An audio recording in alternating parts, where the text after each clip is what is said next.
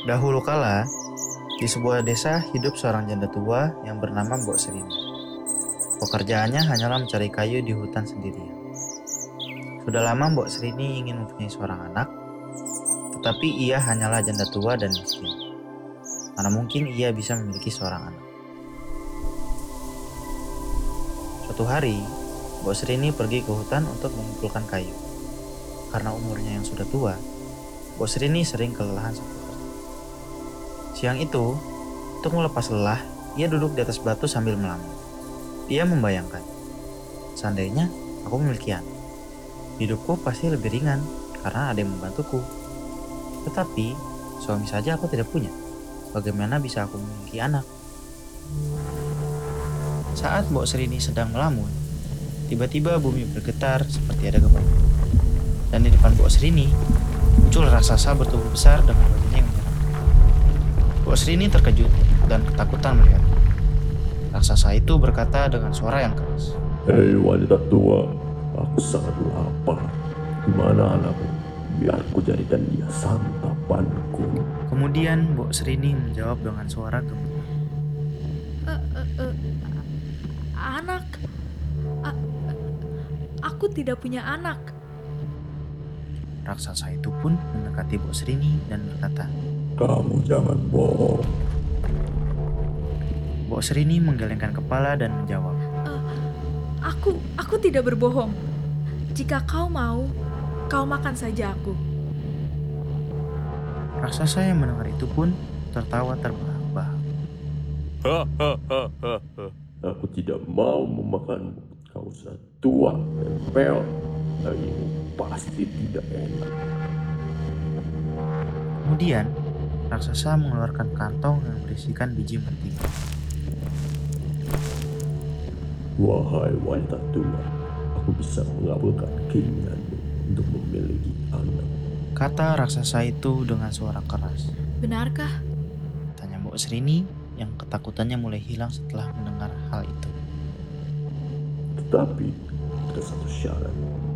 Ketika anakmu sudah berusia 16 tahun, kau harus menyerahkannya kepadaku sebagai santapanku. Jawab raksasa itu. Baiklah, aku tidak keberatan. Jawab Mbok Serini. Kemudian, raksasa itu memberikan Mbok Serini biji mentimun itu dan berkata, Tanamlah biji mentimun di halaman rumahmu. Dan setelah dua minggu, kamu akan mendapatkan anak. Mbok Serini pun menerima biji mentimun itu. Sekarang, pergilah. Bentak raksasa itu.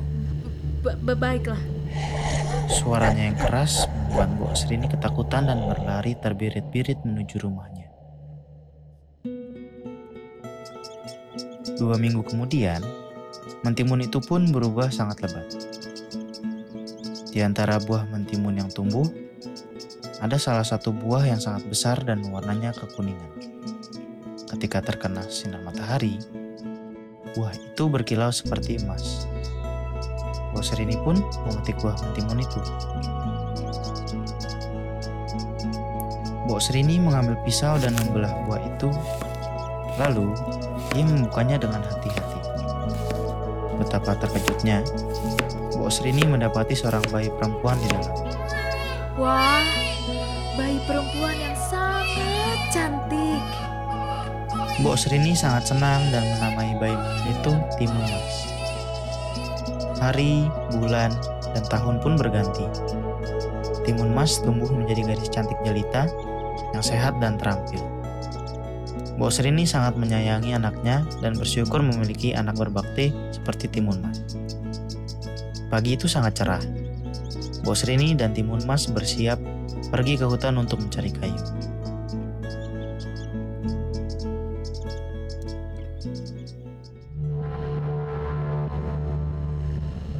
Tiba-tiba, terdengar suara dentuman yang sangat keras. Itu adalah suara langkah kaki si raksasa yang datang untuk menagih janji. Mbok Serini yang tiba-tiba teringat akan janjinya, menyuruh Timun Mas untuk bersembunyi. Hei wanita tua, keluarlah. Aku datang lagi janji. Mbok Serini ketakutan dan tidak mau kehilangan Timun Mas. Mbok Srini pun berkata, Aku tahu kedatanganmu ini untuk mengambil timun mas. Tetapi datanglah dua tahun lagi. Kalau timun mas ku berikan sekarang, tentu kurang lezat untuk disantap. Hmm, benar juga. Baiklah, dua tahun lagi aku akan datang. Kalau tidak, kau akan kutelan mentah-mentah. Ancam raksasa itu sambil tertawa. Raksasa itu pergi meninggalkan rumah Mbok Srini. Mbok Srini menghela napas lega. Kemudian ia menghampiri anaknya yang masih bersembunyi di kolong tempat tidur. Anakku, keluarlah. Raksasa itu sudah pergi. Kata Mbok Srini. Aku tadi mendengar percakapan ibu dengan raksasa itu. Rupanya raksasa itu menginginkan aku. Kata Timun Mas. Benar, anakku. Tapi ibu tidak rela kamu menjadi santapan raksasa itu. Kata Mbok Srini sambil memeluk Timun Mas. Air matanya berlinang di pipi. Dua tahun kemudian, Timun Mas sudah dewasa. Wajahnya semakin cantik dan kulitnya berwarna kuning langsat. Waktu dua tahun bukanlah waktu yang lama. Karena itu, Mbok Srini setiap hari mencari akal bagaimana caranya supaya anaknya tidak dibawa oleh si raksasa. Hati Mbok Srini sangat cemas dan tidak tenang. Pada suatu malam, ketika Mbok Srini sedang tidur, seorang pertapa datang ke dalam mimpinya. Wahai Bos Rini, kalau kau ingin anakmu selamat, datanglah ke Bukit Gandul dan temui aku. Keesokan harinya, Mbok Srini pun langsung bergegas pergi ke Bukit Gandul. Di sana ia bertemu dengan seorang pertapa dan menceritakan semuanya. Pertapa itu pun memberikan empat bungkusan kecil yang isinya biji mentimun, jarum, garam, dan terasi. Lemparkanlah satu persatu bungkusan ini jika dikejar oleh raksasa itu. Ucap pertapa itu. Sesampainya di rumah, ia menceritakan perihal pemberian pertapa itu kepada Timun Mas. Anakku, mulai saat ini kamu tidak perlu cemas. Kamu tak perlu takut kepada raksasa itu. Sebab kamu memiliki penangkainya. Kata Mbok Serini. Ketika Mbok Serini sedang menjahit baju untuk Timun Mas, tiba-tiba bumi berguncang pertanda raksasa datang. Mana Timun Mas? Ayo, cepat serahkan dia padaku. Aku sudah sangat lapar. Kata raksasa dengan suara menggelegar. Kemudian Mbok Serini menjawab. Jangan, jangan kau ambil anakku ini, wahai raksasa. Karena aku sangat sayang padanya. Lebih baik aku saja yang kamu santap. Raksasa tidak mau menerima tawaran dari Mbok Serini itu. Dan akhirnya marah besar. Anak-anak itu, mana Timun Mas? Teriak si raksasa. Karena tidak tega melihat Mbok Serini menangis terus, maka Timun Mas keluar dari tempat sembunyinya, Aku di sini raksasa, tangkaplah aku jika kau bisa. teriak Timun Mas. Karena terus-menerus berlari, Timun Mas mulai kelelahan. Dalam keadaan terdesak, Timun Mas teringat akan bungkusan pemberian sang pertapa.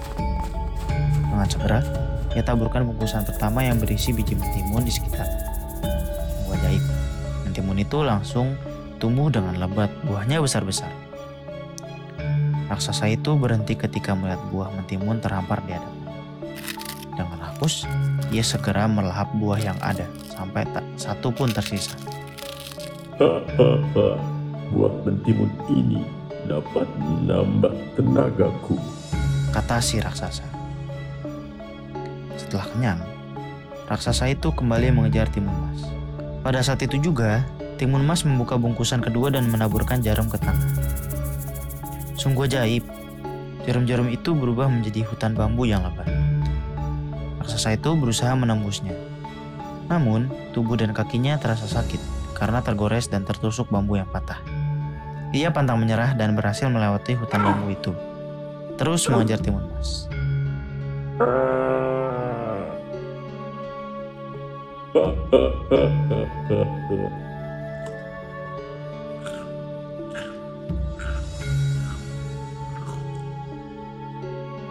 Hei Timun Mas, jangan harap kamu bisa lolos.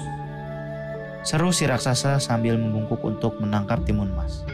Dengan sigap, timun mas melompat ke samping dan menghindar. Huh, hampir saja aku tertangkap. Timun mas terengah-engah. Keringat mulai membasahi tubuhnya. Ia ingat pada bungkusan pemberian pertapa yang tinggal dua itu. Isinya garam dan terasi. Ia segera membuka tali pengikat bungkusan ketiga. Garam itu ditaburkan ke arah si raksasa. Ketika butiran garam itu berubah menjadi lautan. Raksasa itu terkejut karena tiba-tiba tubuhnya tercebur ke dalam laut. Tapi berkat kesaktiannya, ia berhasil berenang ke tepi dan kembali mengejar timun. Merasa dipermainkan, kemarahan raksasa itu semakin memuncak. Bocah kurang ajar. Kalau tertangkap, akan kutelan kau bulat-bulat. Timun Mas semakin khawatir karena raksasa itu berenang melewati lautan yang sangat luas itu. Akan tetapi, ia tidak putus asa. Ia terus berlari meskipun sudah kelelahan. Raksasa itu terus mengejar. Timun Mas melemparkan isi bungkusan yang terakhir. Terasi itu langsung dilemparkan ke arah si raksasa. Tiba-tiba, terbentuklah lautan lumpur yang mendidih. Raksasa itu terkejut sekali. Dalam sekejap, tubuhnya ditelan lautan lumpur. Dengan segala upaya, ia berusaha menyelamatkan diri. Ia meronta-ronta, tapi usahanya sia-sia. Tubuhnya pelan-pelan tenggelam ke dasar.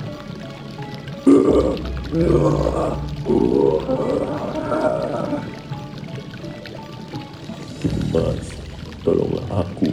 Aku berjanji tidak akan memakanmu. Raksasa itu meminta belas kasihan, tetapi sudah terlambat. Lumpur panas itu menelan tubuh si raksasa dan raksasa itu pun mati. Kini Timun Mas bisa bernapas lega karena telah selamat dari si raksasa. Ia segera berjalan ke arah rumahnya. Ibu, ibu aku pulang ibu. Si raksasa sudah kukalahkan. Teriak Timun Mas kegirangan. Mbok Serini memeluknya dengan tangisan bahagia. Syukurlah, syukurlah anakku. Kau selamat. Kata Mbok Serini, mereka pun hidup berdua sebagai ibu dan anak yang saling mengasihi.